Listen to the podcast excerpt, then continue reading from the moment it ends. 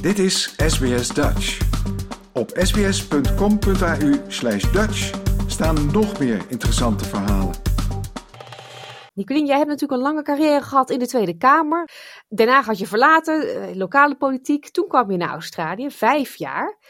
Inmiddels ben je terug in Nederland en ben je weer een beetje in dat Haagse wereldje beland, hè? Ja, gek hè, hoe, hoe dat dan gaat. Dan zie je toch dat het bloed kruipt waar het niet uh, gaan kan. Ik was eigenlijk nog niet weg uit Australië. En toen had ik contact met een oude collega van mij, Pieter Omtzigt, met wie ik... Uh, ja, we zaten samen in de Tweede Kamer toen we allebei achter in de twintig waren. Dus echt, echt al heel lang geleden. En hij deed de pensioen en ik deed de belastingen. Dus we trokken altijd veel met elkaar op. We waren al best wel nou ja, meer van het technische. En hij is op een hele vervelende manier uit het CDA gewerkt, uit de partij gewerkt. En toen hadden we van de zomer contact. Toen heb ik nog een keer gezegd, nou, als ik terug ben in Nederland dan, uh, en je kan mijn hulp gebruiken. Weet je, ik heb mijn handen vrij en uh, ik, uh, ik, kan wel wat voor je doen. Nou, toen belde hij meteen op. En met Prinsjesdag, dus de derde week van september, toen zat ik ja, achter in de bankjes ja, om hem te helpen met zijn speeches te schrijven en zijn moties te schrijven. En te helpen een beetje ja, met, het hele parlementaire werk wat er, gaat, wat er aan het gebeuren is. Ja, heb je het gemist? Nou ja, ik zit echt weer tot mijn neus weer eh, zit ik er helemaal in.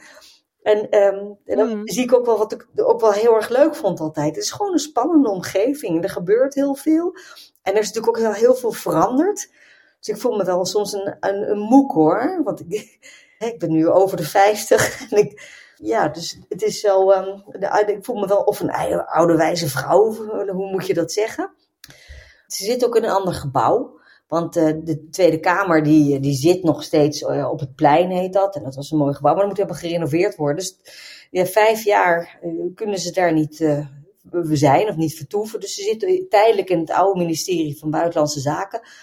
Dat gebouw wordt ook wel de Apenrots genoemd. Het is echt een heel lelijk betonnen gebouw het is niet echt heel erg sfeervol of zo. En de partijen, de fracties zitten ook allemaal heel erg boven elkaar. En je merkt ook, dat zullen veel mensen ook wel gehoord hebben, dat er uh, heel veel haat en nijd is. Het is heel veel gepolariseerd is er. Er wordt heel erg geklaagd over de sfeer in de Tweede Kamer op het moment. Mensen zijn niet aardig voor elkaar. Uh, de taalgebruik op dit moment is best wel grof in de debatten. Um, ja, dat zijn ze natuurlijk helemaal niet gewend. En dan kijk je naar Australië, ja, hoe we hier uh, gewend zijn hoe mensen met elkaar omgaan. Nou ja, we zeggen wel in Australië gaat het lekker sappig aan toe. Er is heel veel emotie, er wordt heel veel geschreeuwd en bij de debatten gaat het er best wel ruig aan toe. Dus ja, ik was de afgelopen jaren best wel wat gewend geraakt hier. Dus ik moet zeggen, als nu hoor je de mensen klagen over het sfeertje in de, in de Tweede Kamer, denk ik van nou, uh, dat gaat er in Australië nog wel wat harder aan toe hoor. Dus, um... Oké, dus die vijf jaar, wat eigenlijk heel kort klinkt, hè, vijf jaar is eigenlijk niks, dat jij hier bent geweest, is er veel veranderd in Den Haag. Ja, nou, het is denk ik wel, wel geleidelijker gegaan hoor. Want um, sinds um, je hebt een paar hele rechtsachtige partijen, zoals de PVV en nu ook de Forum voor Democratie hè, van, van Thierry Baudet en Wilders van dan de PVV ja, sinds die in de, in, de, in de Tweede Kamer terecht zijn gekomen of gekozen zijn, is het taalgebruik ook wel een beetje harder geworden. Meer gepolariseerd. Ja, onder het mom van je moet toch alles kunnen zeggen wat er, uh, wat er in je opkomt. En uh, dat, dat moet toch allemaal kunnen. En het was vroeger altijd veel beleefder, was men na elkaar. Hmm. Dat is niet meer zo. Nee. Dus, dus uh, een soort een, een kamervoorzitter, voor, hè, dus dat, is de, dat was uh, mevrouw Ariep en dat is nu Vera Bergkamp, is het best wel lastig om daar een balans in te vinden. Want in een Tweede Kamer moet iedereen kunnen zeggen wat hij wil, maar je mag elkaar natuurlijk niet beledigen. Nee. Nou ja, dan moet je dus uh, iedereen een beetje te vriend houden. Ja. Dus, en dat is lastig. Ja, en wat ook wel volgens mij uh, echt anders is dan voorgaande jaren, is het aantal partijen. Heel veel kleine partijen. Ja, het, het zijn er op dit moment twintig, moet je je voorstellen. Weet je, in Australië heb je dus eigenlijk de Liberals en de Labour-partijen. En dan heb je wat onafhankelijke heb je, maar dan heb je het grootste wel gehad. Ja, de groene. Die eigenlijk nog steeds heel klein zijn. In Nederland heb je dus uh, ja, de, de, klassieke partijen, dus, die we al sinds jaren nog kennen. Dan heb je het over de VVD, Partij van de Arbeid, uh, D66, CDA, maar ook GroenLinks. De Partij voor de Dieren is eigenlijk ook redelijk gezetteld. Maar je hebt ook een heleboel afsplitsingen. En Pieter Omtzigt, voor wie ik nu werk, is dat natuurlijk ook. Dus het zijn allemaal hele losse kleine kolommetjes. Maar het gekke is dat als je kijkt naar de peilingen, de, de BBB, de Boerenburgerbeweging, hele grote partijen zijn dat nu geworden. De gevestigde partijen zijn heel erg aan het verliezen in de peilingen. Men verwacht uh, in maart zijn de verkiezingen voor de provincies, hè, de statenverkiezingen noemen ze die. Uh, en men verwacht dat daar de gevestigde partijen gewoon echt weggevaagd worden. En dan krijg je dit soort eigenlijk nieuwere partijen die dan heel erg opkomen. Moet je dat erg vinden? Ja, sommigen vinden dat erg, omdat het een beetje wiebelig is en een beetje wankel. Aan de andere kant zeggen ze, ja, het is wel de pure democratie. Mensen zijn klaar met die gevestigde partijen.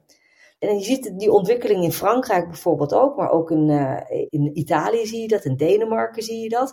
Dus het is toch iets heel Europees, dat ja, die oude partijen die we al sinds jaren dag kennen, ja, dat, die gewoon de ontwikkelingen niet hebben bijgebeend. Dus ze hebben de, de kiezer eigenlijk verloren. Die blijven in dat oude hangen. Ja, en die, die zijn kennelijk niet meer in staat om de mensen te enthousiasmeren. Mm Ja, dus dan word je op afgerekend. Maar zo'n boerenpartij, heeft die dan ook veel overlap met bijvoorbeeld het CDA? Ik bedoel, zij spitsen zich natuurlijk echt op de boeren. En ja, dat is een heet hangijzer nu met de stikstof en uh, de protesten van de boeren. Dus het is op zich logisch dat die partij het nu heel goed doet. Um, maar zie je naast dan dus dat ze zich richt op die boeren ook veel overlap met andere partijen? Nou, je merkt wel dat uh, de aanhang van, de, van die BBB, die boerenpartij, die, die komen inderdaad ook veel van, uh, van de kant van, uh, van het CDA. Dus het CDA loopt leeg en dat is een soort communicerend vat naar, naar zo'n boerenpartij toe. Maar het zijn niet alleen maar boeren die op, op zo'n BBB stemmen. Het zijn ook mensen die gewoon klaar zijn met het, met het autoritaire ehm, ja, beleid, beleid wat, wat door, door zo'n Rutte wordt neergezet. Ja, en, dan, en Rutte is natuurlijk bezig nu aan zijn derde termijn. Je merkt dat hij zijn glans een beetje aan het verliezen is. Hoe goed hij het ook gedaan heeft de afgelopen jaren, dat zal niemand ontkennen.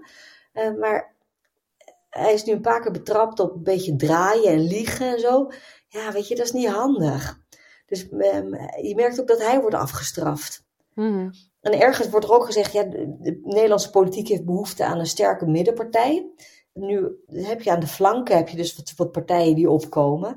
Ja, en wie gaat het gat in het midden opvullen? Op dit moment is, ik kijk iedereen naar die verkiezingen in maart, hoe dat er nu aan toe gaat. Want ergens heeft iedereen wel behoefte aan een beetje, ja, dat, dat de partijen weer een beetje wat steviger worden. Want twintig partijen, dat is gewoon geen doen. Dat is wel heel veel, inderdaad. Ja. Als er uh, eh, 150 Kamerleden zijn, Dan heb je al heel veel één, twee partijtjes waarschijnlijk. Nou, en iedereen die doet ook het werk hetzelfde. Want het zijn bepaalde grote debatten. Bijvoorbeeld over stikstof, bijvoorbeeld over de pensioenen. Allemaal grote dingen die besproken. Immigratie, hè, de vreemdelingenbeleid. En dat zijn ook allemaal onderwerpen waar je ook gewoon diep in moet duiken. En nu zijn er twintig Kamerleden die er allemaal weer het, het helezelfde verhaal erin moeten doen. Hmm, ja, PvdA en GroenLinks hebben het heel lang gehad over samengaan, hè? Nog steeds juist in de Eerste Kamer. Uh, nu moesten, je weet misschien straks zijn de provinciale statenverkiezingen. En die bepalen de samenstelling van de Eerste Kamer. Nou, Wij als Nederlanders uh, in het buitenland kunnen daar nu ook voor het eerst voor stemmen trouwens. Ja, dat, is heel belangrijk voor de luisteraars. Ja, dat klopt. Dus, dus het is wel re relevant inderdaad, want dan kun je de, de samenstelling van de Senaat kun je bepalen. En naar, in de Senaat hebben ze nu gezegd, er gaat de GroenLinks en Partij van de Arbeid, die willen daar ook echt één fractie gaan vormen. Echt ook, het heet nog twee verschillende partijen, maar ze zullen samen opereren. Ja, je zei al, uh, nu je vijf jaar Australië gewend was, vind je eigenlijk die toon, ja, je, je bent het gewend. Ja. Zijn er andere dingen veranderd, behalve dan ook de locatie waar het parlement zit? Nou ja, het is uh, die, die verdeeldheid die jij ook noemde, dat is ook wel heel tekenend voor uh, hoe de politiek nu werkt. Dat hele gefragmenteerde. Dus ik, uh, ik hoop dat die swing dan op een gegeven moment ook weer een keer de andere kant op gaat, want dat het het boek best wel onwerkbaar maakt. Mm. Ja, verder zijn er gewoon een paar hele grote thema's die spelen. Immigratie is toch wel eh, op dit moment, dat raakt iedereen. Je ziet dat uh, iedereen wil graag mensen opvangen die, uh, die, die zwaar hebben. En Oekraïne speelt natuurlijk. En Syrië is nog steeds een belangrijke oorlogshaard. Ja, en als mensen vluchten, dan, dan wil je die graag opvangen. Maar het zijn op dit moment zoveel in Nederland. Het, het hele systeem loopt vast. En dan merk je dat dat um, draagvlak in de Nederlandse samenleving ook uh, ja, aan het afkalven is. Op dat punt moeten gewoon dingen gebeuren. Ja. En buiten de politiek is Nederland veranderd in vijf jaar? Nou, voor mij was het gewoon thuiskomen hoor. Um, nee, weet je, ik kom dan thuis in Hilversum. Hè, daar, daar kwam, kwamen we vandaan. En je ziet dat bepaalde wegen zijn aangelegd, drempels liggen er, uh, bepaalde bouwprojecten staan er. Maar weet je, het openbaar vervoer is nog hetzelfde, um, de mensen zijn nog hetzelfde. Uh, iedereen heeft zich door de corona heen geslagen. Nou de familie is er gewoon nog allemaal nog. Dus dat is, uh, dat is allemaal wel hetzelfde. Ja.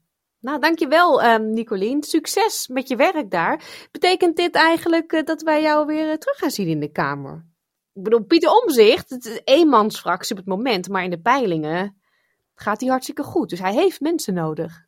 Ja, maar dan moet hij wel een beweging op gaan richten. En dan moet hij nu wel een beetje gaan schakelen. Ik weet ook niet waar het eindigt. Ik weet niet waar het heen gaat. En ik weet niet wat er gaat gebeuren. Maar voor nu is het gewoon echt even een hele leuke, spannende binnenkomen voor me. Nou, dankjewel. En heel veel succes daar in Den Haag. En dankjewel. Wil je nog meer soortgelijke verhalen? Luister via Apple Podcasts, Google Podcasts, Spotify of waar je je podcasts dan ook vandaan haalt.